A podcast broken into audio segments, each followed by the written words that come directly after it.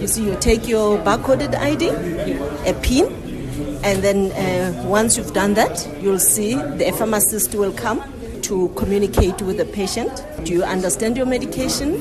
Have you used it? We'll also ask certain questions to verify that indeed it is the person there.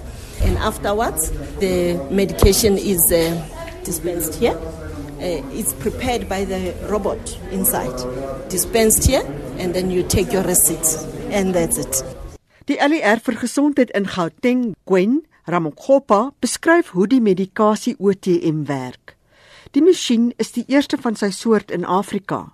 In die stadium bestaan dit uit 4 OTM'e en ondersteunende personeel.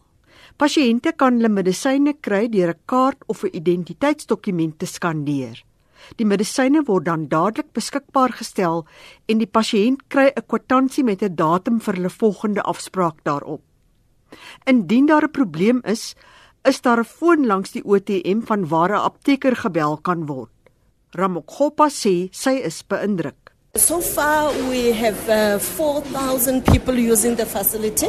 As I've indicated, in the whole of uh, Gauteng, we have 400,000 patients that are using off-site pharmaceutical services where we provide the medicines to private uh, sector. So this will be one of the facilities. We will be monitoring it as it stabilizes. Uh, what is the monthly demand for the area of Alex? Een so gebruiker is Batandwa Mbele. I used to go to the clinic. It was difficult for me to go to the clinic because uh, I've got two kids, firstly, to take care of. Yeah, I will be waiting for the queue because we are so different there. There are pregnant people, patients, while I have to just get my pills and go home. You see? So the difference is now there's no that line. You just swipe the card. How long?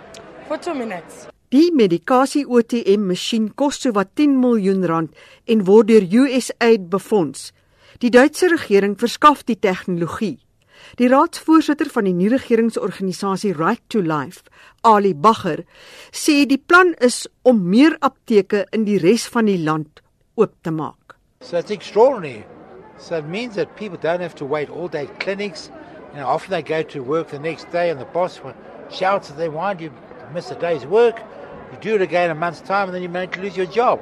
So it's it's fantastic, and we have plans to introduce this innovation into Diepsloot, then into two centres in Soweto, and one in uh, let's see in Bloemfontein during the next six months. Hierdie verslag is deur Angela Bolwana saamgestel. Mitsi van der Merwe, SAK nuus.